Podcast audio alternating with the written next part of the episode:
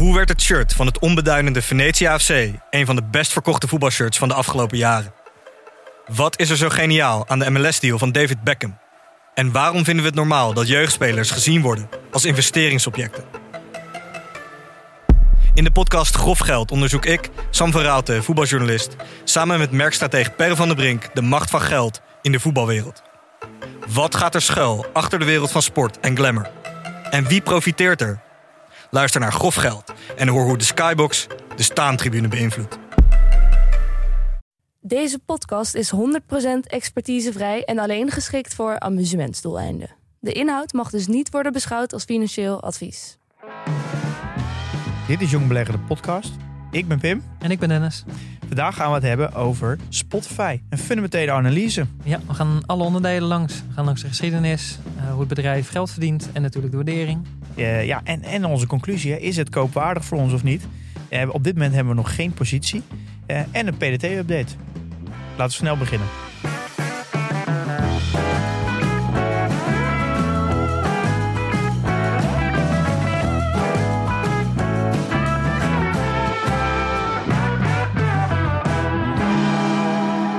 Keer zonder Milou, Dennis. We gaan het samen doen. Ja, dat is even wennen. En we gaan ook uh, vandaag iets nieuws doen. We gaan een fundamentele analyse doen. En we hebben daar in de zomer uh, vorig jaar met z'n drieën vier afleveringen over gemaakt. Als je die nog niet hebt geluisterd, kan je die terugluisteren. Volgens mij aflevering 61 begint het. En we gaan nu een hele aflevering over Spotify praten. en misschien gelijk in alle openheid. Ik heb geen aandelen Spotify. Nee, Jij wel? Ik ook niet. Nee. nee. We gaan het hebben over het competitief voordeel. Het management, risico, kansen en een stukje waardering. En natuurlijk een conclusie. Of wij het aandeel gaan kopen of niet. Ja. En uh, zo niet, uh, wanneer dan wel. Ja, Dennis, kan jij even aftrappen? Wat, uh, wat is Spotify? Ja, volgens mij, ik, iedereen kent het wel. En ik denk dat de meeste mensen, misschien zelfs nu, terwijl ze dit luisteren, die gebruiken Spotify. in mijn omgeving bijna iedereen eigenlijk. Ja, dus kijk, in het kort, het is een streamingdienst voor audio, muziek, podcast. Het, is, het komt uit Zweden. Daniel Ek is uh, een van de oprichters en de huidige CEO. Dus in 2006 is het opgericht. Ja, en we kunnen wel even over de geschiedenis, denk ik. Ja, maar heb jij zelf ook Spotify? Ja, ja, ja. ja, ja. ja ik, ik zelf ook al, ik zou hebben gekeken, al meer dan tien jaar heb ik een Spotify. Uh, dat is echt vanaf het begin, denk ja, ik, dat het in Nederland kwam. Premium abonnement. Ik had ook laatst, nou laatst is al een tijdje geleden, een uh, vraag op Instagram gedaan, ook in de community, van welk, wat is nou een product dat je eigenlijk niet zo snel zou opzeggen. En daar kwam uh, Spotify eigenlijk als nummer één uit. En ik denk dat dat ook wel een beetje het gevoel is van de, de meeste mensen ook om mij heen. Ja. Dat niemand die gaat Spotify opzeggen. Nee. Um, en ik, maar ik ben er door, eigenlijk toch door deze analyse ook wel achtergekomen dat dat wel heel erg Nederlands is. Dat Nederland wel uh, ja, precies. heel erg Spotify-fan is. Maar dat dat Ja. over, de, an- over de hele wereld toch iets anders ligt. Want je kan natuurlijk ook gewoon. eh, Er zijn best een hoop mensen die gewoon. In Nederland niet, ik ken ze ook niet. Maar er zijn veel mensen die gewoon af en toe een Spotify-abonnement hebben. Soms wel, soms niet. En die Ja. sluiten het af en die eh, eh, stoppen er weer mee. Ja. Ja, ik merk, ik heb een beetje ook rondgevraagd in eh, eh, mijn eh, persoonlijke kring. En daar zegt iedereen, nou, het is echt een soort van, dat ga ik gewoon niet opzeggen. Ik heb zoveel playlists, ik maak Ja. er zoveel gebruik van. Het zit zo verweven in mijn, in mijn dagritme dat ik, dat ik eigenlijk niet zonder Spotify kan. Nee, wat gebruik jij het elke dag? En nou, in, voordat ik begon met podcast maken, elke dag. Mhm. Nu wat minder, omdat ik eigenlijk als ik aan het, een podcast aan het voorbereiden ben of ik ben er veel aan het lezen het daarvoor, dan kan ik eigenlijk geen muziek tegelijk luisteren. En hiervoor was ik veel aan het, eh, aan het ontwerpen, design en daar, kon- ja, daar werkt muziek echt eh, Precies. precies, ja, echt Ja. ideaal voor. Maar ik gebruik het wel echt heel vaak. Het staat altijd bij ons in huis, staat wel eh, Spotify aan met, zo, met aan, een ja. Sonos, boxje. Ja, ja, ja. ja. Ehm, nou, we hebben er eigenlijk onderzoek gedaan. We hebben ook een boek gelezen. Ja. Het boek over Spotify. hoe een kleine start-up een miljardenindustrie voor altijd veranderde. Eh is natuurlijk een, ook door een zweet geschreven. Dus het gaat heel diep in in de geschiedenis van Spotify. Laten we daar maar gelijk mee, mee aftrappen. Ja, ehm, want het, is wel een mooi verhaal hoe het is ontstaan, vind ik zelf. Dat beschrijft in dat boek ook wel heel mooi. Ze zijn begonnen met, met gewoon een idee. Hij had het idee om ehm, muziek te streamen eh, op een manier dat het eh, zonder ehm, eh, vertraging is. Hè. Dus dat je direct kan beginnen en zonder dat hij tijdens het nummer moet bufferen. En het was in 2006. En dat, kijk, voor nu is het allemaal heel vanzelfsprekend. Maar in die tijd waren er geen iPhones. Mobiel internet was er nauwelijks, of dat begon net een beetje. Dus dat was echt wel een andere tijd. En muziek werd allemaal gratis gedownload. Dus Ja, want dat is, dit is dan de tijd van Napster, eh, Ja. Casa en LimeWire, denk ik. Beetje Ja. die, eh, ik denk dat de meeste luisteraars dit wel kennen. Precies. Ja. MP3'tjes binnenhalen via BitTorrent. Uh, en het was ook heel normaal, ondanks dat het illegaal was. Ik bedoel, mensen deden, deden dat gewoon. Niemand keek je ook raar aan. Niemand had het idee van, oh, dat is een dief. Ik bedoel, die, we deden dat gewoon met z'n allen. Dat was een beetje aan de orde van de dag. Dus in, in die tijd, en, en dat was natuurlijk ook de, de eerste uitdaging, was ook de techniek. Uh, waar ze heel erg op gewerkt hebben, is hoe krijgen ze het nou voor elkaar om direct zo'n liedje af te kunnen spelen. En vroeger had je die, of dat heb je nog steeds, dat BitTorrent-netwerk. Dus dat zo'n bestand van allemaal blokjes wordt gehakt. Ehm, maar dat wordt gewoon random gedownload, al die blokjes. En daar was natuurlijk de eerste uitdaging. Hoe krijg je nou dat als het liedje start, dat gelijk het eerste blokje gedownload is. En dat je het hele liedje uh, vlekkeloos kan afspelen. Ehm, en dat heeft lang geduurd. Daar zijn ze met z'n allen op gaan ontwikkelen. En dat is uiteindelijk gelukt. Dat was de allergrootste drempel uh, om het überhaupt technisch mogelijk te maken. Ja, dus eigenlijk zijn ze als bedrijf zijnde een gestart vanuit een, een, stukje nieuwe, nieuwe technologie. Dus ja. innovatie, technologische innovatie, waardoor dit mogelijk was om uh, te streamen zonder uh, heel lang te bufferen. Precies, precies. Um, de, de, volgende drempel was die muziekindustrie. Want de, de, de eerste producten, uh, of de eerste product van Spotify, dat had nog illegale muziek in zich. Dus we moesten die muzieklabels natuurlijk gaan overtuigen dat dit een goed verdienmodel ook voor hen is. En dat was de volgende horde die heel lang heeft geduurd. Heel veel jaren. Dus de, om de licentie te krijgen van de platenmaatschappij om, om muziek te kunnen streamen. Ja, en dat was natuurlijk des te lastiger voor Spotify. Omdat ze daar, Daniel Ek heeft natuurlijk, die had het uitgangspunt van het moet gratis zijn. Ja, en die hele muziekindustrie die zat daar niet op te wachten. Die, ook uit principe, hè, mensen maken iets, er moet voor betaald worden. Ja. Dat is ook gewoon redelijk.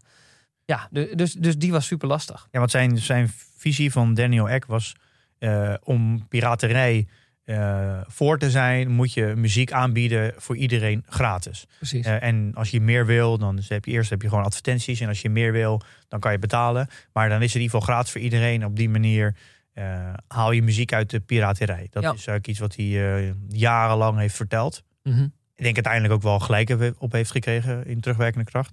Uiteindelijk zijn er twee co-founders van. Ja. We hebben Daniel Eck mm -hmm. en Martin Lorenzson. Ja. Uh, dat zijn eigenlijk de twee, ook op dit moment de twee grootste aandeelhouders. Met mm -hmm. uh, Daniel Eck 18% en Martin met 12%. Dus samen bezitten ze 30%. Ja. En 75% van het stemrecht. Ja. Uh, dus dat is wel een, ja, het is echt, je kan echt wel spreken van een founder-led company. Um, kan je ook wat vertellen over de, ja, wat, is nu, wat zijn nu de statistieken van hoe groot is Spotify? heel groot. Ze hebben in ieder geval, als je kijkt naar het marktaandeel, dat zijn natuurlijk wat schattingen die, die je overal wel ziet, dat ze ongeveer 35% hebben aan marktaandeel. Ten opzichte van uh, Apple, YouTube, Amazon. Dus wereldwijd. Uh... Wereldwijd, ja. Um, en die, ja, goed, die andere grote techbedrijven die hebben natuurlijk ook um, een, een, aardig deel inmiddels. Ik geloof dat Apple zit volgens mij op iets van 16% en Amazon op 8%. Dat is volgens mij een beetje de orde groot. Dus die komen ook wel op. Um, uh, dat is, ze hebben ruim 400 miljoen gebruikers, volgens mij op het moment. En hoeveel van is daar betaald? Ja, ik, volgens mij zit dat ergens, ergens op de helft zo'n beetje. Volgens mij is bijna de helft inmiddels betaald. En de andere is, um, is de gratis dienst met advertenties. En de omzet, hè, de omzet die ze nu halen, dat is natuurlijk wel vooral uit, uit dat premium segment, het betaalde segment. Ik geloof dat iets van 85 tot 90 procent ja. komt uit de betaalde dienst. Dus, dus zeggen we 400, 400 miljoen klanten. Mm -hmm. En waarvan, uh, ja, zeg even 180 volgens mij ongeveer ja.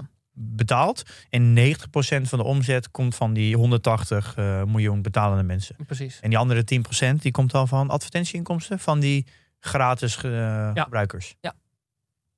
Dus ja, en ze verkopen nog wat, of tenminste doen nog wat met data ook voor artiesten, zeg maar. Dus er zitten wat, wat, nog wat, wat verborgen stukjes onder. Maar de hoofdmoot is uh, advertenties, advertentieinkomsten. Ja, en, en, en wat onderscheidt Spotify nu van uh, in, eigenlijk in de core van andere, partij, andere partijen zoals een Apple Music of een Amazon? Ja, van, van origine, want dat is ook al. Want hij heeft um, toen ze nog wat kleiner waren en toen ze naar Amerika wilden, toen hadden ze wel uh, het gevecht eigenlijk met Steve Jobs en Apple. Want die had natuurlijk een, een ecosysteem gecreëerd binnen, binnen de Apple-producten met die um, iTunes. Uh, wat is het, store, of hoe noem je dat? Ja, de iTunes. Uh, iTunes, ja. punt, ja. iTunes, ja. Um, en daarmee hield hij natuurlijk met muziek mensen binnen hun ecosysteem. Ja. En Spotify disrupte dat maximaal. Want die zei, het is en gratis, je hoeft niet te betalen. En um, je kan het op elk platform kan je het afspelen. in principe. En dat was voor Apple en voor Steve Jobs echt wel een bedreiging. En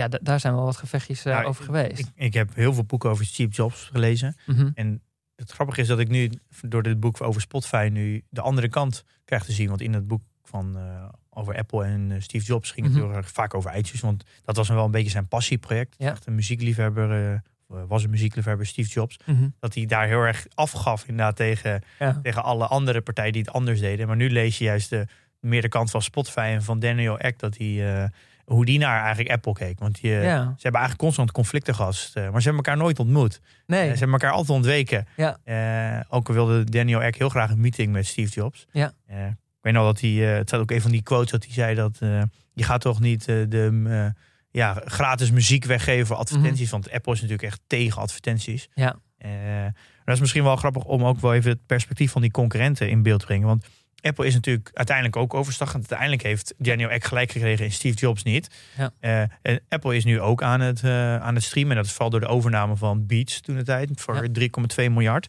Uh, dus die doet nu ook Apple Music.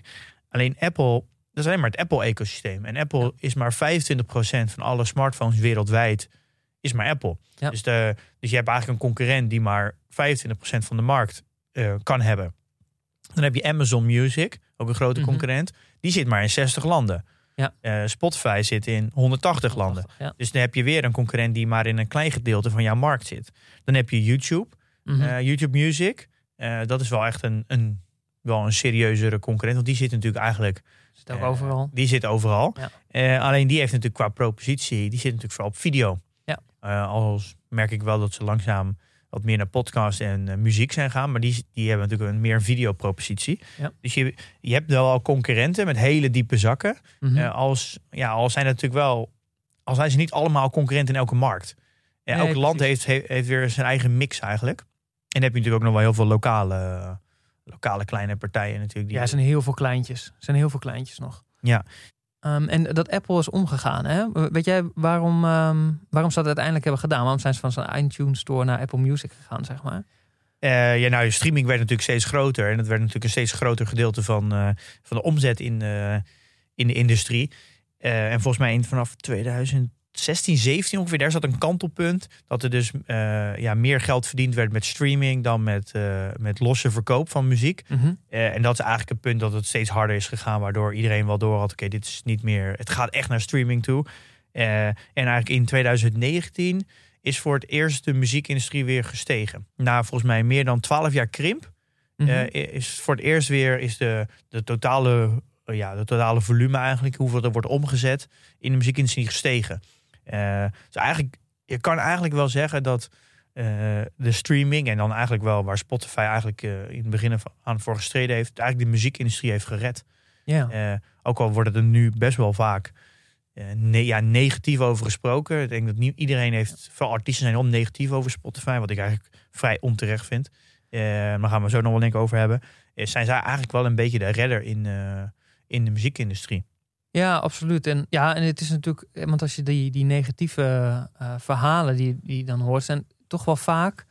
Um, en dan moet ik een beetje oppassen, ik mensen nu tegen de schenen schoppen. Maar dat zijn artiesten die het op de een of andere manier niet voor elkaar krijgen om uh, vol geld te verdienen met hun muziek.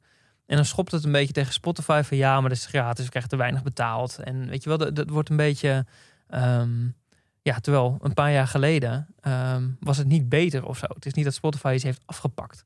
Nee, misschien ook wel goed om even dat, die markt even in kaart te brengen. Want uiteindelijk is, uh, je hebt eigenlijk twee mogelijkheden als artiest. Of je gaat rechtstreeks op Spotify. Nou, dat is iets wat er dus vroeger nooit was. Uh, ja. En dat is denk ik ook wel. Volgens mij is 10, 20 procent van alle artiesten die gaan rechtstreeks op Spotify. Ja. Uh, nou, die groep die is dus niet, eigenlijk niet groot genoeg of niet goed genoeg nog voor een platenmaatschappij. Nou, die hadden vroeger dus gewoon helemaal geen kans. Nee, een lokaal café was het dan. Ja, dus Ja. ik denk dat daar alleen maar een voordeel voor is. Dan heb je natuurlijk eh, het grootste, groot, het grootste gedeelte. Dat zijn platenmaatschappijen en labels en zo. En dan hebben we eigenlijk de vier grote platenmaatschappijen. eh, Universal Music Group, en Merlin, eh, Warner Bros. en Sony. En die bezitten volgens mij samen rond de 77, 80 procent Ja, van de muziekindustrie. Ja. En daar staan alle artiesten onder contract. Ja. En Spotify die heeft geen directe relatie met de artiesten. Maar die relatie gaat altijd via de platenmaatschappijen. Dus als een artiest vindt dat hij te weinig betaald krijgt, dat heeft vooral te maken dat zijn, dat zijn of haar contract dan met een, bijvoorbeeld een Sony of Mhm. uh, Universal niet goed is. Ja. Eh, want uiteindelijk wordt het grote geld Dat, want je Universal Music Group is gewoon genoteerd in Nederland ook, sinds kort. Ja. Het grote geld wordt eigenlijk verdiend bij de platenmaatschappijen. Ja. En niet bij, eh, bij de artiesten en bij Spotify. Dus dat, ik, het is eigenlijk heel onterecht dat, dat er zoveel kritiek op Spotify is. Eh, want fijn, eigenlijk zijn zij de middleman. De, de, de, ja, zij hebben eigenlijk de rechten over, over de muziek. En zij zijn eigenlijk de, een beetje de lachende derde. Ja, en kijk, en ook daar zit natuurlijk in, de, in het businessmodel, want ook het klagen daarover. Want dat is ook het verhaal van. ehm zij hebben natuurlijk heel veel eh, artiesten of bands gecontracteerd. En er zijn er maar een paar die winstgevend gaan worden. Maar die paar die moeten al die anderen, de kosten die ze maken voor al die anderen, dat moet wel opheffen. Dus het, het voelt natuurlijk, eh, sommigen krijgen veel te weinig betaald voor hun gevoel. Anderen die heel succesvol worden, dan gaat de platenmaatschappij met het geld vandoor. Dus het is wel, je ziet wel overal ehm, ehm, dat je geld soort van eh, weggaat naar anderen als artiest. Maar als je gewoon kijkt naar het businessmodel van die partijen, eh, kan dat ook niet echt anders. En dan komt er ook nog, want jij stuurde toen dit zo'n podcast door, zo'n Bloomberg ehm, Ja. eh, podcast, daar is ook zo'n artiest aan het woord. En die begint zijn verhaal, want die veel kritiek op Spotify, platenmaatschappij, die is er allemaal wars van. Maar die begint zijn verhaal met ik wil ehm, me nergens op vastleggen, ik wil geen popmuziek maken. Dus die werkt zichzelf helemaal in de niche in. Ja. En vervolgens eh, vindt hij dat hij niet groot genoeg wordt, niet genoeg betaald wordt, niet genoeg gesteund wordt. En ja, dan, dat ik snap dat het vervelend is. Is net als met kunstenaars of, of schilderen. Ja, het is een, eh, moeilijk- je, dan, het is ja. gewoon heel moeilijk om daar geld mee te verdienen. En voor sommige mensen is muziek misschien gewoon een hobby. En geen... eh, Ja, ik denk dat dat altijd wel een beetje het dilemma is van artiesten. Hè? Gewoon Mhm. overal creatieve mensen. Je wil uiteindelijk eh, een soort van heel grote, meer veel zelfexpressie hebben. Ja. En je niet laten, je ben je afgeven tegen de massa. mhm. Daar wordt vaak ook mm, Ja. kunst of muziek op gemaakt om je af te Ja. geven. Een beetje tegendraads te zijn. Maar ja, als je, als je uiteindelijk de massa van jou ben je niet meer tegendraads. Dus het is altijd een beetje een dilemma. Maar Ja. dat zijn wel de plekken, momenten dat je natuurlijk geld gaat verdienen en Ja. kan leven. En kan je ons eens meenemen door het verdienmodel van, eh, van eh, Spotify? Hoe verdienen zij nu geld? Ja, wat, wat ik ook wel interessant, en dat haakt wel een beetje aan op de geschiedenis. Ehm, wat, wat echt wel twee van de belangrijkste punten zijn die ze bijna hun hele eh, geschiedenis hebben, hebben volgehouden, is dat het, het aanbod, zowel van gratis of het betaalde aanbod, hetzelfde is. Ehm, en dat lijkt een heel simpel uitgangspunt, hè, van dat doen we gewoon zo. Alleen het is natuurlijk do- door de jaren heen is dat constant bevraagd door de omgeving om dat anders te doen. Of het nou platenmaatschappijen zijn, of aandeelhouders, ook investeerders, die vroegen maar om maak nou exclusief aanbod, zodat mensen die premium kant op gaan. En hebben ze constant nee tegen gezet. Constant hebben ze dat hetzelfde gelaten. En dat is niet omdat ze zo aardig zijn, maar gewoon omdat ze al zagen hoe het businessmodel er in de toekomst Ja. uit ging zien, zeg maar. En dat was niet ehm, eh, door gratis en betaald anders te maken. En dit, dit is denk ik wel het voordeel van een founder-led company. Dat zij, Ja. de twee founders hebben zo, zo een duidelijke visie gehad. Ja. Dat ook al zijn, zijn ze onderweg zo vaak verleid Ja. met hele goede deals. Dat ze altijd hebben gezegd nee, eh, lange termijn, lange termijn, lange termijn. Ja. En uiteindelijk eh, klopt dat ook. Hè? Want uiteindelijk zit in dat, in dat hele businessmodel. Dat is natuurlijk de hele eh, toegangspoort tot premium klanten die per maand betalen. Is het gratis stukje. Er komen zoveel eh, klanten gratis binnen die uiteindelijk gaan betalen. Ik geloof van de betalende klanten is 60% ongeveer via de eh, gratis kanaal sales binnen. kanaal eigenlijk. Ja. gratis, ja, ja. Eh, en gratis, ik bedoel, het, het verdient nog een beetje door die advertentieinkomsten. Ehm, maar dat, dat is wel een, echt, een, echt een hele belangrijke. En ehm, ja, de tweede is ook dat, dat ze, ehm, de core is het product. En ook dat lijkt super simpel. Maar ook in het verleden, door allerlei partnerships die ze zijn aangegaan. In Nederland heb je dat met KPN bijvoorbeeld. Hè, die verkoopte als het ware aan de klanten Spotify-abonnementen. Ehm, zo waren er ook een heleboel andere grote telecomaanbieders in het buitenland.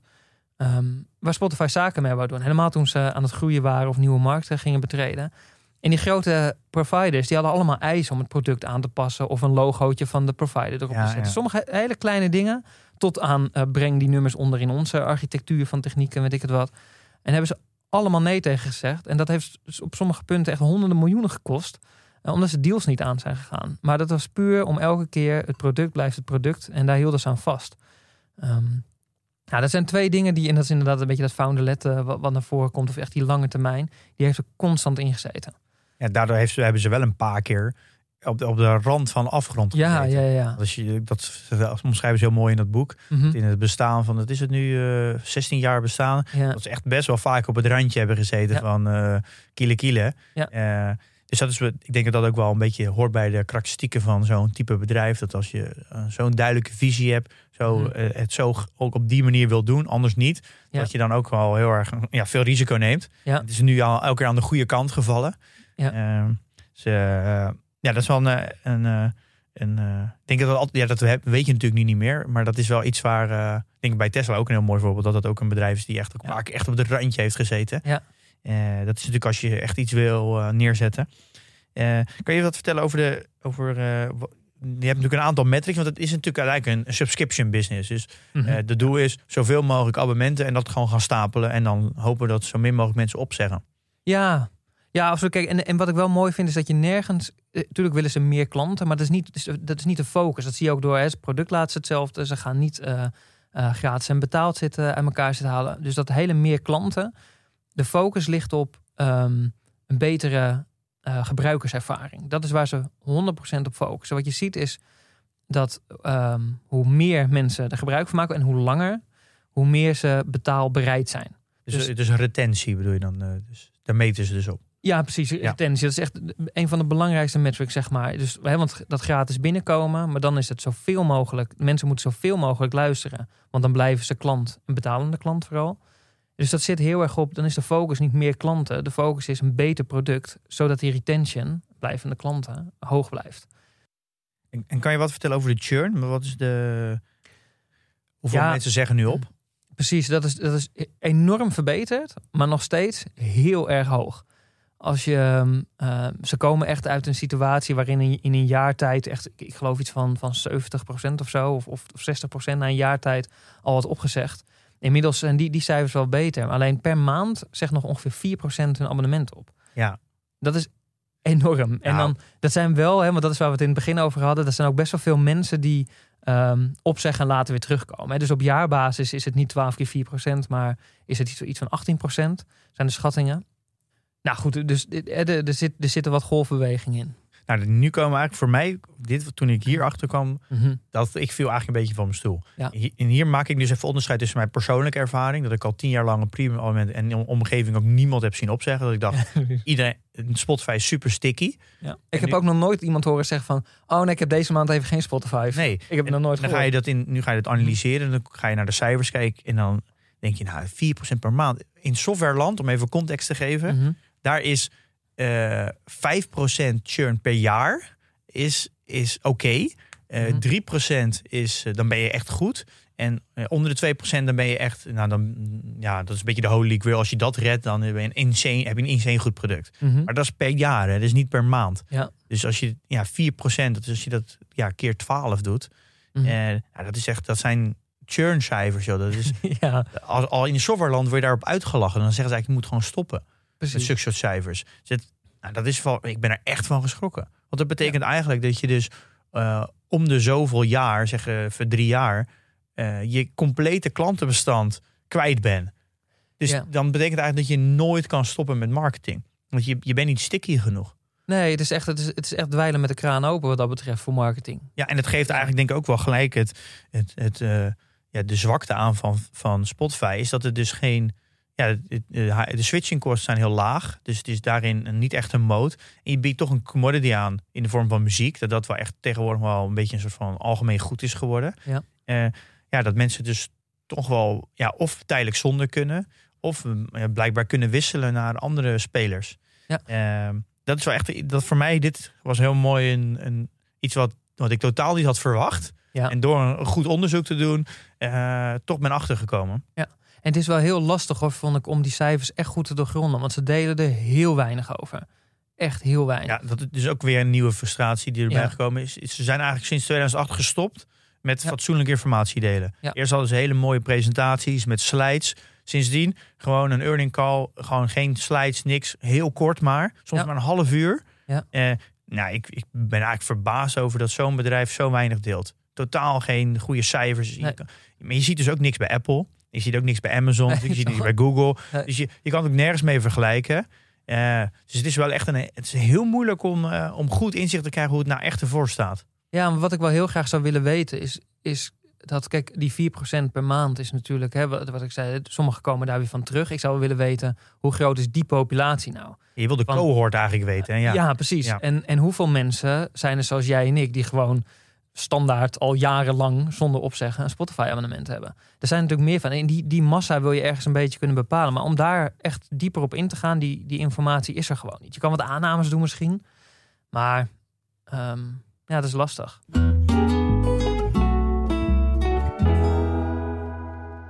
Ja, we zijn natuurlijk al een beetje even in het verdienmodel gaan. Misschien is het goed om even eh, een stapje terug nog te doen naar het competitief voordeel. Ehm, kan je daar wat over vertellen? Wat maakt Spotify nou, nou anders dan, dan eh, de concurrenten? Ja, nou, volgens mij is, is het allerbelangrijkste is, is dat ze een first mover zijn, zeg maar. Je had natuurlijk, ze komen vanuit een periode ehm, nou, dat niemand eh, aan streaming eh, deed, in ieder geval voor audio. Ehm, en om een klant te winnen die nog nergens klant is, dat is relatief goedkoop. Maar op het moment dat je ergens al zit, ik zit bij Spotify, ja, ik heb, ik heb bijvoorbeeld eh, om dit even te testen, ik ben even naar YouTube Music gegaan, ik heb een abonnementje afgesloten, dus even gekeken hoe dat is. Maar ja, Wa- waarom zou ik? Het kost ongeveer evenveel geld. Mijn afspeellijsten zitten dan in Spotify. Ik ben, eh, Spotify kent mij inmiddels een beetje, dus ik krijg eh, suggesties die wel aardig zijn. Ehm, de interface vind ik prima. Maar ik, ik heb geen incentive om, om te bewegen. Nee. Ik heb het ook gelijk weer opgezegd. Ik dacht, ja, wat moet ik hier nou? Maar als Spotify er niet was, had ik misschien nu al jaren bij YouTube Music gezeten. Ja. Dus je incentive om te switchen. De switching kosten zijn super laag. Het is super makkelijk om te switchen. Het is zo gedaan. Maar de incentive om te switchen, die heb ik niet echt Nee, nee. dan moet er al een ehm, eh, echt heel erg iets in de prijs gebeuren. Ehm dat gaat niet voor 1 of 2 euro, ga ik niet switchen. Eh, of het product moet dusdanig veel meer bieden. Ehm, maar ja, dat, dat zie ik ook nog niet echt gebeuren. Dus de- het, het grootste deel van het voordeel zit erin dat ze first mover zijn en relatief goedkoop die klanten kunnen binden. Oh, Ja, om een bestaande klant van een product over te brengen naar eh, een andere dienst, dat gaat echt een hele dure worden. En dat is wel een moot die je hebt. Gek genoeg. Ja, maar het is daardoor ook heel moeilijk om iemand van een andere dienst af te halen. Absoluut. Want dat geldt andersom natuurlijk ook. Absoluut. Ja. Iemand bij Apple Music zit en je hebt daar al je dingen en je, hebt een app, je bent in het Apple-ecosysteem, dan is het wel heel moeilijk om dan als Spotify om iemand daaruit te halen en naar je toe te trekken. Dat ga je, dan ga je een soort van customer acquisition cost gaat dan heel erg hoog worden. ja, precies. Wat eigenlijk bijna niet rendabel is. Ehm, en en wat, je, wat je ziet bij dat competitief voordeel is eigenlijk, ze hebben op heel veel aspecten hebben ze een flinterdunne motor als het ware. Weet je, volgens mij ehm, het stukje dat ze eh, veel podcasts hebben, dat heeft YouTube Music bijvoorbeeld niet. Maar dat is dun, omdat YouTube dat ook gewoon kan ontwikkelen. Dat is niet een, een, een, een- dat, dat duurt wel even, maar het is niet super ingewikkeld. Zijn ze daar eens mee bezig? En je zijn ze mee bezig. Plus, die, die hebben een enorme hoeveelheid aan creators voor, die, eh, voor YouTube-video's. Ja. Die kunnen ook podcasts gaan maken. Weet je, dus er zit een. eh, dat kunnen ze gewoon. Apple doet het al een paar jaar inmiddels. Nou, Apple was trouwens de eerste met podcast. oh ja? Ja de, ja, de eerste iPhone zat al een podcast-app op. Oh ja. Eigenlijk heeft Apple podcast groot gemaakt. En dat begint nu langzaam in, eigenlijk in elke music-app wel te komen. Ehm, ja, en, en hetzelfde met kijk, hoe, hoe ze het eh, personaliseren bij in Spotify. Met, of het nou met je afspeellijst of je Discover Weeklies en allemaal van dat soort eh, zaken. Ik denk dat ze dat op, op al die fronten kan je zeggen, ja, Spotify doet net iets beter. Spotify is overal beschikbaar. En nou, Ja, het integreert Ja. bijvoorbeeld goed in de Sonos ecosysteem en zo. Ze, zijn, Ja. ze zitten op elke, op elke tv ook, in elk apparaat. Ze zitten in elke auto. Dat, ze zijn wel goed geïntegreerd in, eh, Ja. in alle plekken waar je muziek kan afspelen. Ja, en ook, ook als je, en dat is natuurlijk ook nog, het zijn wel kleine dingetjes. Want ook als je, ehm, als ik een nummer naar iemand wil, of een podcast naar iemand wil doorsturen, ik doe het via Spotify, weet ik bijna zeker dat hij hem daarop gaat. Als iemand naar mij iets via YouTube Music eh, eh, linkt, denk ik, ja, dat heb ik niet, weet je wel. Of misschien heb ik de app niet eens. Of, Ja, eh, ik deel ook altijd alles via Spotify, want dan Ja. weet ik ook zeker dat iedereen kan luisteren. Precies. En dat, eh, ja. Alleen dat zijn natuurlijk, dat zijn wel eh, dunne modes in het hier en nu. Want dat kan over drie jaar echt anders zijn. Dat zijn dingen die de grote techbedrijven ook kunnen aanpassen. Amazon bijvoorbeeld, ehm, ja, die, die, heeft niet, die, die hoeft dat niet in hun eigen ecosysteem te hebben. Die kunnen dat ook op alle platformen uit gaan rollen. Nou, dit, dit is voor mij niet gezegd dat over vijf, over tien jaar al die eh, modes, zeg maar, er nog steeds zijn. Ze, ze hebben wel ook wel een heel mooi, een mooie branding. Dat kan ik ook wel wat punten voor geven. Ja. Ze gaan trouwens binnenkort ook eh, Barcelona sponsoren. Dus het Camp- dat Camp ik, ja. Nou wordt nu het Spotify stadion. Ja. Ze hebben wel een hele dure deal, maar ze, die wedstrijd zijn ze heel erg aan het spelen. Die brandwedstrijd. Een beetje Coca-Cola-achtige en Red. Bull-achtige eh, waar ze naartoe gaan. Steeds meer sponsoren Mhm. om, eh, om altijd maar top of mind te blijven. En een hip, omdat het hip is om Spotify te gebruiken. Ja.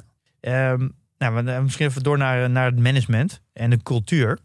Mhm. En we hebben natuurlijk al even gezegd dat Daniel Ek is natuurlijk een van de oprichters. eh 38 jaar. Heeft samen met, met Martin eh Lorentzon 75% van de stemrecht. Ze pakken zelf geen salaris. Eh, dus ze hebben het echt volledig op, eh, op performance. En ik heb even op Glassdoor gekeken. Dat is een Amerikaanse eh, ja, soort van HR-website waar personeel en oud-personeel reviews kunnen achterlaten. Dan scoren ze een, eh, een 4,2 op 5 sterren. Dus ik denk alles boven de 4, 4,2, dat is een beetje de grens, denk ik. Dat je zegt, nou dan is het echt goed in elkaar. Dus ik denk, hij wordt best wel goed, ja, best wel goed ontvangen eigenlijk als, als, als founder en als CEO. We zijn best wel positief over de cultuur. Alle mensen, er zit echt zo'n ja, innovatiecultuur, try and error. Er worden heel veel dingetjes, heel veel testjes worden gedaan. Er is altijd wel budget om eh, nieuwe dingen te experimenteren. Dus ik denk dat dat ook wel echt in de core van, eh, van Spotify zit. Ik denk, het lijkt mij best wel een, goed, een leuk bedrijf om voor te werken. En veel vrijheid. Ze zijn nog best wel eh, innovatief eigenlijk. Als je dat vergelijkt met alle andere concurrenten, is eigenlijk alle innovatie komt van Spotify. Ja. Eh, Ik zag wel eh, ehm, eh, dat ergens, op het moment dat ze groot werden en dat marketing eh, belangrijker werd dan het echt engineeren van je, van je product, dat er best wel een hoop mensen ook weg zijn gegaan. In ieder geval die een beetje in de categorie zitten van het, eh, eh, ja, noem je dat? Het ontwikkelen van het Ja. product zelf. Er is ook een heel groot conflict geweest tussen. eh, het is natuurlijk oorspronkelijk een Zweeds bedrijf. Nou, Mhm. nou heb je ook een Zweedse cultuur. Alleen, Ja. daar kwam je eigenlijk weer het dilemma van Europese start-ups. Ja, die hebben gewoon, ja, het is gewoon beperkt. Je gaat, als je Mhm. echt de toptalenten wil, ja, dan die gaat niet alle toptalenten naar Stockholm kunnen halen. Nee, dat is lastig. ja. Eh, dus uiteindelijk hebben ze ervoor gekozen om, het heeft hij er echt doorheen gedrukt, om uiteindelijk een beursnotering in New York te doen. Eh, de New York Stock Exchange. Maar daardoor ook zijn hele financiële afdeling naar eh, Amerika te verhuizen. En daardoor is eigenlijk het hele bedrijf langzaam een beetje, heeft een beetje Amerikaanse cultuur gekregen. Een beetje start-up cultuur. En daar zijn heel veel mensen die vooral in de beginjaren zijn begonnen, die heel erg die Zweedse cultuur heel fijn vonden, zijn weggegaan. Ja. Eh, en ik denk dat dit eigenlijk een constant een dilemma is van Europese start-ups. Jij pleit ook erg voor dat Europese bedrijven die zichzelf niet zo, moeten, niet zo makkelijk moeten laten kopen door Amerikanen. Ja. Eh, hij is daar ook heel trots op dat hij een van de weinige Europeanen is die zijn bedrijf niet heeft verkocht. En het gevecht is aangegaan met de Amerikanen. Dus, en hij is daar nu echt een pleiter voor. Eh, dus het geeft wel een beetje aan hoe hij in de wedstrijd zit als, eh, als, als CEO. Hij is wel echt een grote denker. En eh, ik denk ook wel een visionair als founder. Hij heeft wel echt een idee over waar de, waar de muziekindustrie naartoe gaat. En dat, is wel, dat mis je wel met alle andere concurrenten. Die zijn helemaal niet bezig met de muziekindustrie verder helpen. Nee. Uiteindelijk doet Apple Music alleen maar omdat ze meer hardware willen verkopen. Want dan houden ze hem in één ecosysteem. Eh, Amazon Prime, dus Amazon Music, is alleen maar bezig om... Ja, ze besteden zoveel geld aan marketing. Nou, dan kunnen we beter eh, gewoon videocontent maken en muziek gaan aanbieden. En daar het marketingbudget aan geven. Dan kunnen we ze trekken in ons ecosysteem. En dan kunnen we ze dan Amazon producten aan- aanprijzen. Ja. Eh, dus de incentives van die partijen liggen heel anders dan Spotify. Spotify is er echt voor de muziekliefhebbers. En die andere partijen zijn alleen maar bezig om anderen de spullen te verkopen. En daar het hele bedrijf is, is gebaseerd op dat stukje, zeg maar. Het is geen Ja. bijzaak voor. Nee, het is, Ja. nee, en dat merk je wel. Ja. En dan vind ik aan de andere kant wel weer, doordat ze zo'n focus hebben en zo er zijn voor de, het ecosysteem van muziek, dus de artiesten, de luisteraar en de, de, en de tussenpersonen, vind ik wel dat ze daar nog best wel veel laten liggen. Mhm. Als een partij die zoveel focus heeft, doen ze nog relatief weinig in het hele ecosysteem. het, ze hebben volgens mij nog, nog zoveel ruimte om te groeien. Het is misschien op sommige plekken wel wat ver gezocht. Eh, ik weet niet of ze alles kunnen raken, want het is natuurlijk wel een soort van tech-platform. En ik weet niet of je dan echt toekomt aan hardware verkopen, of dat dan helemaal past, of eh, iets met merchandise doen, of iets met tickets. Of, weet je, zo zijn er best wel wat dingen te benoemen. Het is een vraag of het past, maar je, er kan nog zoveel audioboeken bijvoorbeeld. Daar hebben ze onlangs wel een overname eh, in gedaan. Ja, dat is er ook eentje, die, die laat nog best wel op zich wachten. Ehm, dat het groot wordt. Terwijl die markt al enorm aan het groeien is. Ja, die merk ik wel. De Storytel is ook een Zweeds bedrijf. Dat is Ja. ook, eh, dat is denk ik de grootste in Nederland met audioboeken.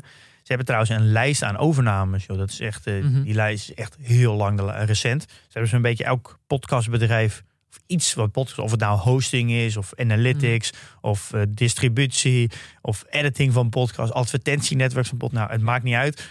Alles wat iets met podcast te maken, hebben ze opgekocht. Nou, dat Mhm. doet trouwens Amazon ook. Ja. Want de, wij maken gebruik van Art19 om onze podcast eh, uiteindelijk eh, in jouw podcast app te krijgen eh, met Jong Beleggen. En dat is Dat een bedrijf van Spotify. Nee, dat is overgenomen door Amazon Oh, dat is Music. van Emerson. Oh ja. Alles en ik hiervoor gebruikte ik Anchor. Mhm. En is het weer overgenomen door Spotify. Oh ja. Alles is overgenomen door of Google, of Apple, of Amazon, of Spotify. Ja. Ze kopen alles op. En natuurlijk nu Dag en Nacht Media, hebben we vorige week ook verteld. Dag en Nacht Media is overgenomen door Podimo. Is een Ja. Deens bedrijf. Eh, je merkt in podcastland ook, eh, er, is, er is zoveel aan het veranderen. Iedereen is alles aan het kopen. Dus het is wel echt een, eh, een gevecht die nog, ja, dat eigenlijk niemand weet hoe dit gaat eindigen. Ja. En dit is toch wel echt wel een van de grote kansen van Spotify, denk ik. De podcast en audioboek, eigenlijk andere audiovormen. Ja, het is alleen wat, wat ik wel het risico vind. Ik weet niet hoe jij dat ziet, maar doordat er zoveel partijen actief zijn, er is ook veel geld te verdienen. Maar dat is niet een markt waar de, waar de bruto marges 80% zijn of zo. De, die marges die zijn relatief laag. Dus het is ehm, best hard vechten voor weinig geld. Dat is wel een beetje eh, ook de verbazing waar ik in rolde. Dat, het gebeurt niet vaak dat ik een bedrijf zo tof vind en heel veel gebruik en helemaal snap. En dan naar de marges kijken en ik, huh, Ja, dat is niet veel. maar, maar over wat, wat voor marges praten we dan? Nou, ze zitten nu zo'n beetje, of de afgelopen jaren wel, dan eh, gaat het een beetje bruto dan eh, op 25% Dus van elke euro aan advertentieinkomsten en, de en de premium eh, subscriptions. En dan gaat er een deel naar de Maar muziekindustrie. dat betekent dus 75% kostprijs. Kosten. Eh, ja, precies. Dus Ja. 75% kostprijs. Maar even op je Ja, in van het werken. leveren van eh, muziek. Ja, dus elke euro die je, die je verdient, ben je eigenlijk al 75 cent ben je al kwijt.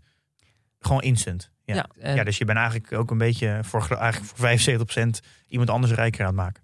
Ja, en dat is. Dan wordt er gezegd van ja, maar het is een bedrijf, het groeit nog en het heeft nog een toekomst en noem maar op.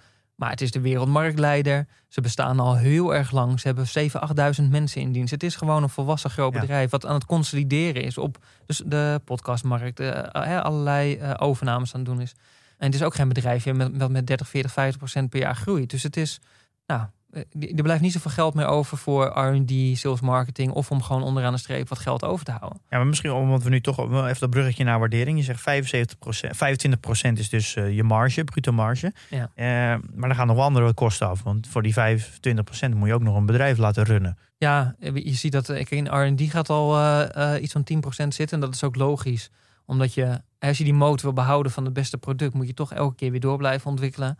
Ehm, dat is er ook niet eentje die, ehm, die heel erg afschaalt. Je ziet ook de afgelopen vijf jaar is het altijd ongeveer 10%. Je kan geweest. eigenlijk ook voor een softwarebedrijf Nee. kan je niet eh, lager dan 10% denk ik. Nee.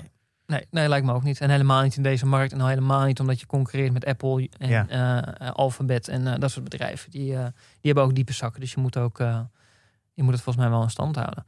Eh, sales en marketing is, is nog ontzettend hoog. Is, is ongeveer 12, 13 procent. Ook dat schaalt niet af. En ook dat is logisch. Want je wil natuurlijk nu als first mover die klanten halen. Ja. En daar zit volgens mij nog wel een misvatting. Ik zie bij veel analisten zie je dat die gaan ervan uit dat die sales en marketing heel erg gaat zakken.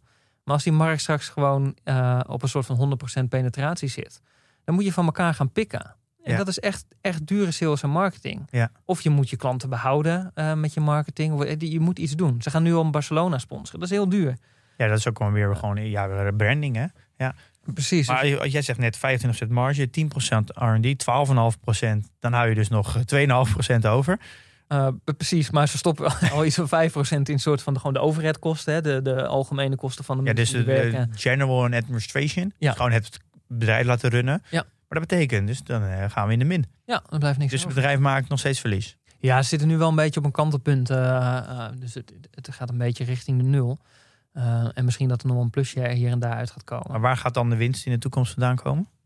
Nou, wat ze zelf zeggen, ze, kijk, ze, ze denken, tenminste, en dat dachten ze in 2018, toen ze eh, die eh, Investor Day hadden en toen ze nog wel wat deelden en wat dieper gingen, gingen ze uit van een bruto marge van tussen de op lange termijn van 30 tot 35 procent bijvoorbeeld. Oh, Dat is vrij fors. dat is, dan moet er echt nog wel wat gebeuren.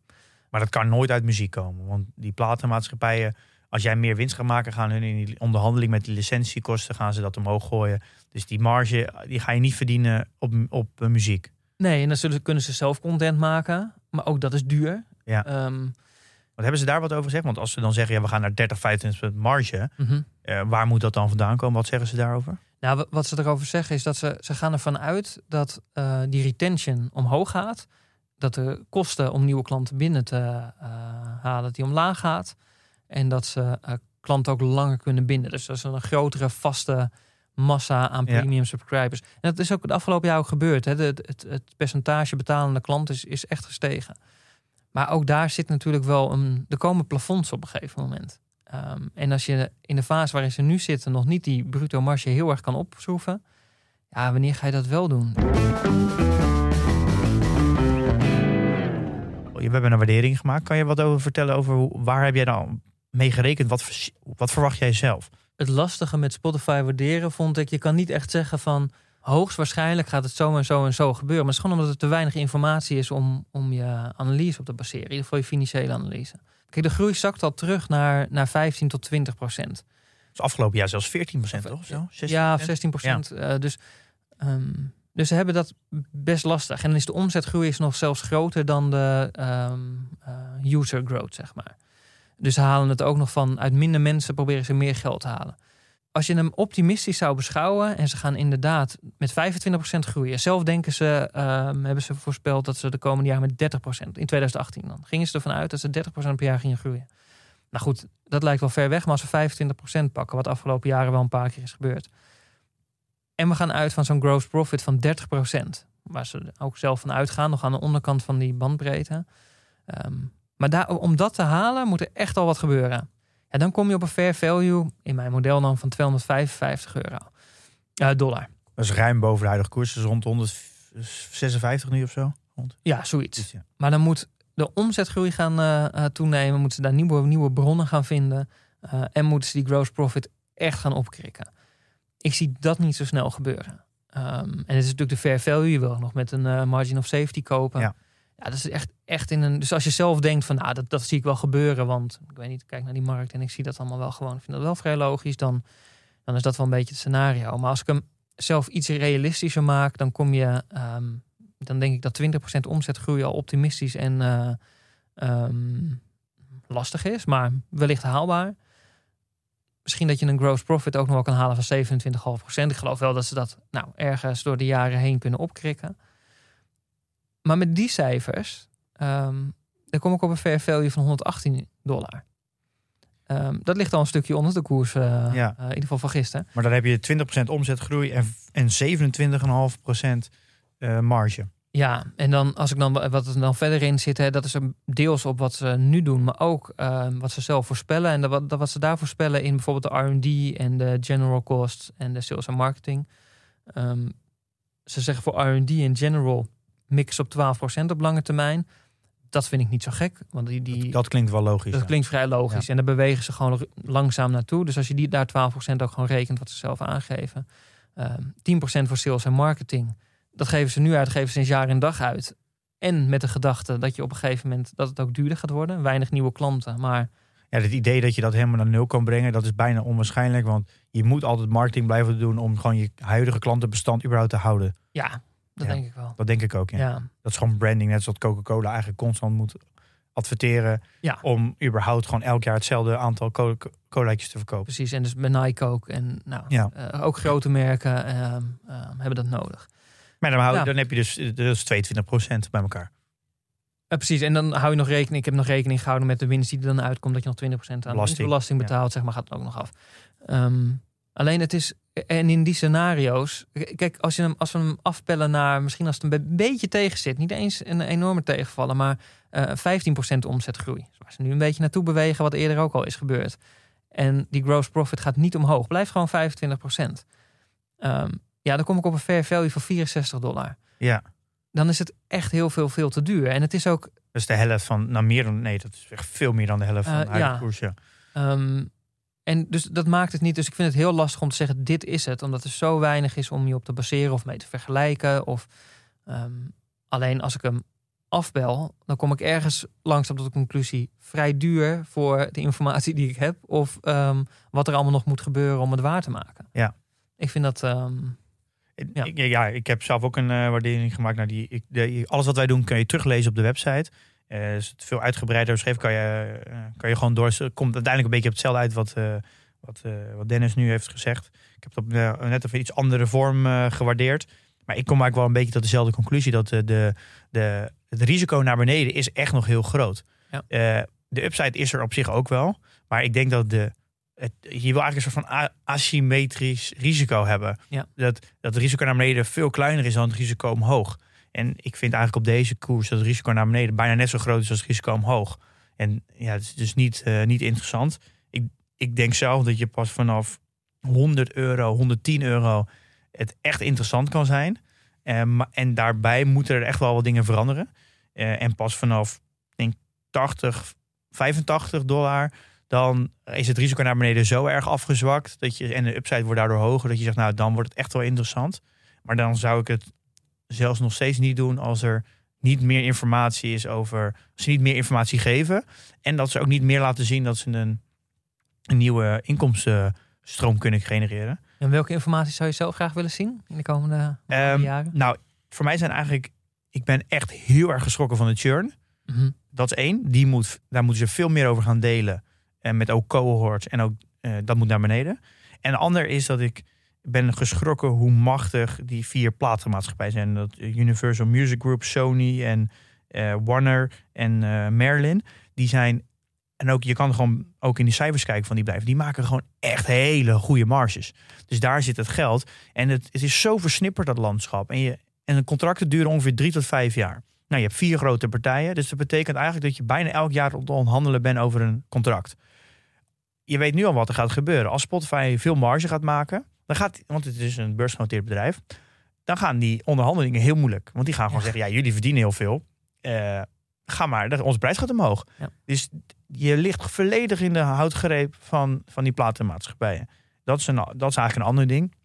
Dus dat moet, je, moet min, je moet minder afhankelijk daarvan worden. Dus dat betekent dat je een nieuwe inkomstenstroom moet genereren. Waardoor je, je positie machtiger wordt in de onderhandeling.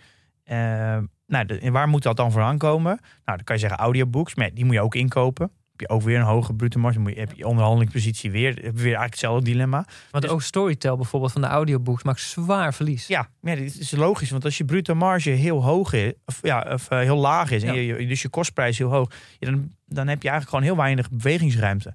Eh, helemaal als je wil groeien. Ja. Eh, dan heb je dus. Ja, dan je kan je denken podcast. Nou, ik ben natuurlijk zelf zit helemaal verweven in het podcastlandschap. Ja. Ik, ik volg dat goed. Ik weet natuurlijk als maker zijn ook hoe, je, eh, hoe het is. En ik, ja, ik kan me gewoon niet voorstellen dat Spotify daar eh, echt serieus geld mee gaat verdienen. Eh, omdat je namelijk als maker zijn, dan wil je eigenlijk nooit in een ecosysteem zitten. Want je wil iedereen bereiken. Dus ik zou ook nooit alleen maar in het Apple-ecosysteem gaan. Eh ben ik wel voor gevraagd. Ook voor gevraagd voor eh Spotify-ecosysteem. Nou, ook Podimo, ook voor gevraagd. Maar ik ga me gewoon niet... Hoezo als maker zou ik me in een ecosysteem zetten... waardoor ik een heel groot, heel groot gedeelte van mijn luisteraars... dus niet meer kan bereiken. Ja. Eh, dus je hebt daar helemaal geen voordeel bij... om je soort van te committen aan een, eh, aan een één specifiek... dat merk ik bijvoorbeeld Joe Rogan heeft dat dan gedaan... en Michelle Obama, maar die zijn daar natuurlijk heel riant voor betaald. En dat Ja, maar dat is weer precies het punt. Dan kom je terug bij die marge. Als je dat wil, moet je heel veel geld betalen. Ja, en dat kan, maar, dat kan je maar voor spaarpodcast doen. Je gaat natuurlijk niet alle kleine podcasts wereldwijd kan je kopen. Nee. Eh, dus ik zie, ik zie daar niet zo snel hoe ze daar geld op gaan verdienen. Dan denk je kant, nou, voor podcasters kan je misschien dan een advertentieplatform bieden. Dus ik zeg, nou, zet je podcast bij ons en wij ehm, ja, we gaan daar advertenties. Weet je wat YouTube doet? Eh, je, je uploadt je video en dan kan je daar, YouTube regelt dan video's. Maar dan kom je bij het volgende punt. Wie is er nou echt extreem goed in advertenties? Ja, Google en, eh, Ja. en Facebook. Eh, Google wilde Spotify kopen. En toen heeft Larry Page eh, heeft in de cijfers gekeken. En die heeft gelachen om de statistieken van Spotify. Die zei van ja, je- de, de ads, de, de, de, de, ROI die jullie op ads halen is zo laag. En ik ben dus laatst bij een, ik ben gevraagd om mee te- bij zo'n, er was een event van Spotify, dus zo'n webinar was dat. En dan gingen ze, het hele marketingteam van eh, Spotify ging een presentatie houden over dat je nu ook kan adverteren op Spotify. Dus dan kwamen al die mediabureaus die gingen daarin. En, en had je had ook een chat. En al die mediabureaus die normaal voor alle grote bedrijven zoals Coca-Cola en zo eh, Mhm. advertenties inkopen en dat regelen in per land eigenlijk. Doet Coca-Cola natuurlijk niet zelf. Die gaat per land een mediabureau inhuren. Eh, Die zijn gewend met de ROI, ROI's te werken en de rendementen van een Facebook en een Ja. Google. En die hadden allemaal vragen, gest- vragen gesteld. Om, en die gingen constant vergelijken. En die lachte Spotify eigenlijk weg. Ja. En ik denk dat daar ook het, het dilemma zit. Ik denk namelijk dat met die free tier van Spotify, plus ook die pots. Ik denk namelijk dat ze never nooit eh, het, het rendementen gaan halen op advertentiegebied. eh, wat, wat een Google wel haalt. Eh, Ja. Dus ik denk namelijk dat nou, Google die heeft aangekondigd om, om met YouTube slash podcast te komen. Ja, ja, ik denk als maker zijn... eh, er zijn natuurlijk heel veel mensen die leven gewoon op YouTube. Echt, dat is echt Mhm. een beroep tegenwoordig, YouTuber. Precies. Nou ja. Eh, ja, ja, als je dan ook een succesvolle podcast en je zet dat in, eh, op YouTube, maar dan in een audiovorm, dat ze dat ook echt gaan ondersteunen. En zij bieden daar advertentieplatforms. En dat is als maker natuurlijk super interessant. Ja. Ja, ik denk dat, daar, dat ze daar ook heel veel moeite gaan hebben om daar überhaupt ja, voet aan de grond te krijgen. En dan moet je nog steeds ook een groot gedeelte afstaan aan de makers. Ja, ik zie dat ook niet zo snel gebeuren. Dus ik zie gewoon niet zo snel waar gaan ze nou geld aan verdienen, wat ook echt serieuze marges heeft. En het is volgens mij als adverteerder ook veel minder interessant om op Spotify te adverteren. Als je kijkt naar ehm, gewoon op Facebook of op, op YouTube, dan kijk je, je kan gelijk klikken. Er zit gelijk een soort van actie kan eraan vastzitten. Als ik Spotify luister, zit- ben ik of aan het hardlopen, of ik zit op de fiets, of ik eh, ben in de auto. Ja, dan ga ik doorgaans niet eh, eh, online shoppen, zeg maar. Nee, dat, is, dus, ja, dat is ook echt een, dat is gewoon pech voor Spotify. ja, Het moment dat je dat consumeert is gewoon op het moment dat je dus niet met je vinger aan een, aan een scherm zit. precies. En ik wil daar ook nog wel toevoegen dat er heel veel mensen zeggen, ja, het is eh, vergelijkbaar met Netflix. Maar dat vind ik dus echt, die vergelijking mag je gewoon echt niet maken, omdat je kan namelijk meerdere Netflix-accounts, dus je kan Netflix en Disney hebben, maar je gaat niet een Apple Music en een Spotify nemen. Nee, Dus dat is echt totaal anders. En het hele moment van consumeren is ook compleet anders. Eh, muziek is, al, of is altijd een secundaire activiteit. Mhm. Eh, en eh, video is altijd een primaire activiteit. Dus het is een, eh, je hebt ook een heel ander concurrentieveld. dat is heel anders. Eh, ja, ik moet zeggen dat ik... ik was eigenlijk heel enthousiast over Spotify. Mhm. Ik was heel enthousiast toen ik Maar ik ben eigenlijk minder enthousiast geworden na de analyse. Ja. ik moet echt wel heel veel veranderingen zien. Eh, en vooral meer omzet. Ja, ze moeten gewoon meer anti-fragile worden. Ze moeten laten zien dat ze op heel veel verschillende in- inkomstenstroom kunnen genereren. En dat, dat zou kunnen inderdaad met eh, merchandising, eh, ticketsverkoop. Ja. Ze kunnen misschien ook iets met video gaan doen. Ze kunnen audioboeken doen, meditatie. Ze kunnen podcasts verder in. Ze kunnen ook het hele netwerk van distributie van podcasts. Ze kunnen meer advertenties gaan doen. Ze hebben wel heel veel mogelijkheden. En ook Maar- hardware, denk ik, hè? audio hardware. Hardware zou sets kunnen. Of, eh, ja. Maar dat zijn allemaal, het zijn allemaal wel dingen waar je van zegt... Ja, Ja, ja, ik weet het niet. ja, eens. Eh, heb, je- heb jij nog, eh, nog iets toe te voegen aan je conclusie? Eh, het- we zitten denk ik ook een beetje, een beetje op dezelfde lijn. Hè. Ik, zou, ik, ik blijf het wel volgen, want ik vind het een heel tof bedrijf. Een heel interessant bedrijf. In, in 2022 komen ze ook met een, ehm, eh, met een nieuwe Investor Day. En daar ben ik ook wel heel benieuwd naar. Als ze dan iets meer openheid geven over eh, misschien zowel de strategie, maar ook over de churn en over hoe ze bepaalde zaken aanvliegen. Dat zou ik heel interessant vinden. En ook dan zou het zomaar kunnen zijn dat als ik daar echt aanknopingspunten zie van, ah, die snap ik en dit is slim. En hierdoor verandert eh, nou, in ieder geval de toekomst.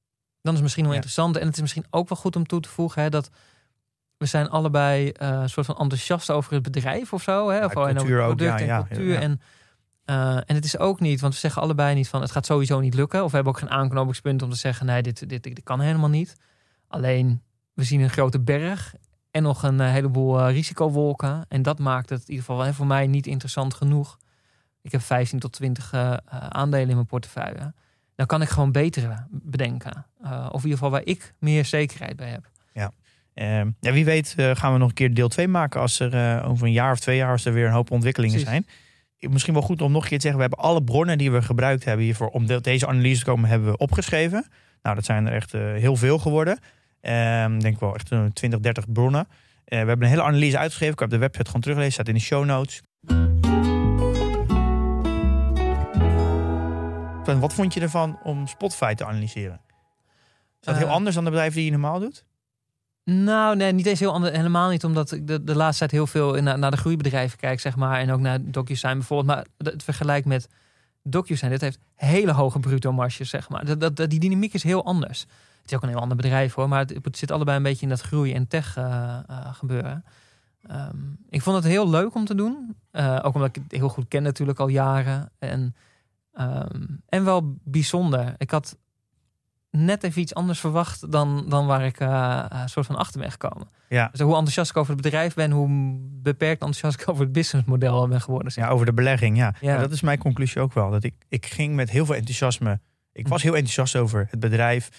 En ook wel een, misschien ook mogelijk een beetje de belegging. Dat ik denk, nou, dit kan wel interessant zijn. En dat is echt wel door, mijn, door de analyse. Dat ik ben, ben ik daar echt wel in veranderd. Ja. Eh, wel veel kritischer geworden op, op Spotify. En dat sommige cijfers echt wel, wel echt heel erg tegenvallen. Ja, en wat ik ook wel leuk vond, dat is een beetje los van, het, van de belegging eh, Spotify. Maar wat ik ook wel echt leuk vond om te lezen, ook in het boek waar ze die geschiedenis eh, schetsen. Is dat ook hier weer, dat zie je bij al die start-ups of bedrijven die, die uiteindelijk van die miljardenbedrijven worden. Het begint bijna allemaal bij de juiste mensen aantrekken, de beste talenten. En die laten En excelleren. de visie. En, de- En de visie. Ja, maar Ja. Dat, ja, natuurlijk begint altijd bij een visie.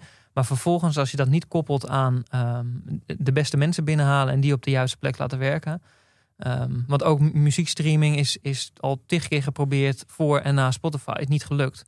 En is niet omdat het idee slecht was, maar Ja. omdat daar niet de beste mensen aangetrokken Ja. werden. Het is, ik, wat het, mijn, mijn conclusie een beetje is als Spotify heeft gewoon pech. Ze hebben eigenlijk alles goed gedaan. Ja. Maar omdat die, die concentratie van die platenmaatschappijen zo hoog is. Ja. eh, daardoor hebben zij eigenlijk gewoon... Ja, kan, kunnen ze nooit een heel, een heel een succesvolle business opzetten. Ja, dat is heel Ja, want het, de, ja, dat is denk ik het verschil. Dat als er tientallen plaatsmaatschappijen waren, dan wa- was de onderhandelingkracht van Spotify veel beter. En dan had het model heel anders geweest. Ik denk dat daar hebben ze echt gewoon pech. Dan Ja. kan je gewoon eigenlijk, ja, dat- je hebt gewoon pech. Ja, ja, precies. Dat is een beetje wat vorige keer ook zei, dat je soms moet je geluk hebben als bedrijf dat je in een bepaalde sector zit of een bepaalde iets hebt waar je heel makkelijk kan uitbreiden. Ja. En bij sommige partijen kan dat gewoon niet. Zoals Spotify heeft heel veel moeite om zich nu uit te breiden. Dat is niet zo dat Spotify dan een slecht bedrijf is, maar ze hebben gewoon pech dat ze in een, in een, om, ja, in een industrie zitten Ja. waar dat gewoon moeilijker kan. Ja. Eh, maar ik denk dat namelijk hoe, hoe dat allemaal is opgezet, het bedrijf, dat het, als het in een andere sector had gezeten, dan had het misschien veel groter kunnen zijn. Want het, het hele verhaal, hoe dat is opgezet en zo met het team. En het is wel, heel, het is wel een mooi verhaal. Ja, absoluut. Nou, dan kunnen we hem afronden, denk ik. Ja. We, we houden hem in de gaten. Kopen hem allebei niet. Nee. Even als afsluiting eh, hebben we een eh, PDT-update gedaan. Heb jij er ook nog naar gekeken, Dennis? Ja, zeker. zeker. Ja, ik moet zeggen, vooral de laatste updates en deze ook weer. Dat zijn wel echt hele mooie hoor. Die zijn wel echt cool. Die beginnen echt wel. eh, want zo simpel als een cashpositie toevoegen en een ren- ren- rendementsberekening. En die vallen mooi samen, want hoeveelheid cash die beïnvloedt Ja, dat je- moesten we samen doen. Precies, ja. Ja. dat kan niet anders. Ehm, ja, maar dat voegen we er toe. En ik merk het gewoon, van mij dat vorige keer ook al gezegd. Ik merk dat ik in het begin keek ik er af en toe op of werkte ik hem af en toe bij. En dan ook omdat mensen het volgen. hè. Die kunnen mijn portefeuille natuurlijk volgen in, eh, in PDT. Ehm, maar nu klik ik hem heel veel vaker. Als ik denk, oh, wanneer had ik het ook weer gekocht? Ga ik gewoon standaard naar eh, PDT en nooit meer naar de bank eigenlijk. Ja. Ehm, ja, ik weet niet. Het begint... En langzaam begint het in je, in je routine te komen. ja, maar ook omdat het gewoon steeds meer... En helemaal met deze toevoeging... eh, ja, steeds nuttiger Ja, want we hebben nu een, eh, een vernieuwde rendementsberekening. Mhm. De New Money Weighted Rate of Return. Nou, dat is een industriestandaard om je rendement te berekenen. Het kan zijn dat voor sommige mensen nu een beetje afwijkt. Maar het houdt eigenlijk in dat vooral eh, particuliere beleggers... die storten vaak elke maand. En soms onttrekken die ook. En je wil die, die constant dat je geld bijstort op je account en, en onttrekt... Dat, je, dat wil je wel meenemen in je rendementsberekening. Als je bijvoorbeeld op het, ja, eh zeg 1000 euro belegt en je hebt 1000 euro winst... Het, eh, op, eh, en je gaat in één keer op zeg even half december, 15 december, stort je in één keer 10.000 euro. Dan heb je in één keer een account van 12.000 euro. Maar ja, dan, als je dan die 1000 euro winst deelt door die 12.000, dan heb je heel relatief weinig winst. Maar ja, die, 1000, die 10.000 euro die je op het laatst gestort hebt, die kan maar natuurlijk maar 15 dagen nog renderen. Dus dat wil je wel qua weging meenemen. En dat is wat wij doen. Omdat eh particuliere beleggers heel veel, ja, elke, eigenlijk elke maand bijstorten. Wil je die weging wel meegeven? Anders krijg je eigenlijk natuurlijk een, en niet echt een goede rendementsberekening. Nee, klopt. Dit is best wel een complexe berekening. Het is ook een industriestandaard. Dit is ook officieel erkend als een eh, manier van rendementsberekenen. Gaat nog niet overal bij iedereen goed, maar eh, we zijn ermee aan het werk. En ik, ik ben best wel trots op dat we dit nu hebben. Want er is gewoon eigenlijk geen tool die dit, die dit doet. Eh, we gaan echt naartoe dat je, ja, dat je wel echt wel een, een serieuze portfolio tracker wordt... die eigenlijk niet onderdoet dan de grote eh, systemen die de vermogensbeheerders en zo gebruiken. Maar dan voor een particuliere prijs. Ja, sterker nog, de- het is, eh, het is niet alleen dat het niet onderdoet, maar hij begint inmiddels gewoon beter te worden. Ja, dat is, eh, we gaan lekker, lekker door. Nou, even als afsluiting. Ik heb geen transacties gedaan om te melden. Heb jij die toevallig wel gedaan Oh, deze week? even denken. Ehm, nou, ik heb sinds vorige keer ik heb wel Archie Daniels Midland heb ik verkocht. Ehm, Helemaal op positie? ja, ik, ik had een eh, deel verkocht eh, begin maart en eind maart heb ik ehm, het tweede deel verkocht. Ja, die was zo opgelopen door die, die voedselprijs. Die ging die- door het dak. natuurlijk, ja. Ehm, en de koers ging eh, mee, dat is allemaal hartstikke mooi. Maar die voedselprijzen gaan ook weer een keertje normaliseren. Dus dit, dit is een typisch voorbeeld van korte termijn overschat, lange termijn onderschat. Dat was hier, dus die heb ik afgesloten. Verder, ik heb alleen bijgekocht. Gewoon alles wat ik al een beetje heb, heb ik bijgekocht. Ja, oké. Dan zijn we volgende week zijn we er weer. Milou eh, is er nog even niet. Eh, dan gaan we, het, eh, gaan we eigenlijk hetzelfde concept doen. Ja. Maar dan gaan we het hebben over Airbnb. Mhm. Ik ken dat bedrijf eigenlijk helemaal niet, moet ik zeggen. Ik heb wel al Air Booking gehad. Eh, daar, dat bedrijf ken ik wel aardig. Dus ik denk dat Booking ook wel een onderdeel wordt van analyse, vermoed ik zo. Ja, Want dat is denk ik de grootste concurrent zo. Ja. Het is alleen een, een compleet ander bedrijf. Het wordt, een, eh, wordt interessant, denk ik. Ja. En dus weer een, een fundamentele analyse. En dit keer dan eh, over Airbnb. En dan rest er ons eigenlijk nog één ding. Investeer in je kennis en beleg met beleid.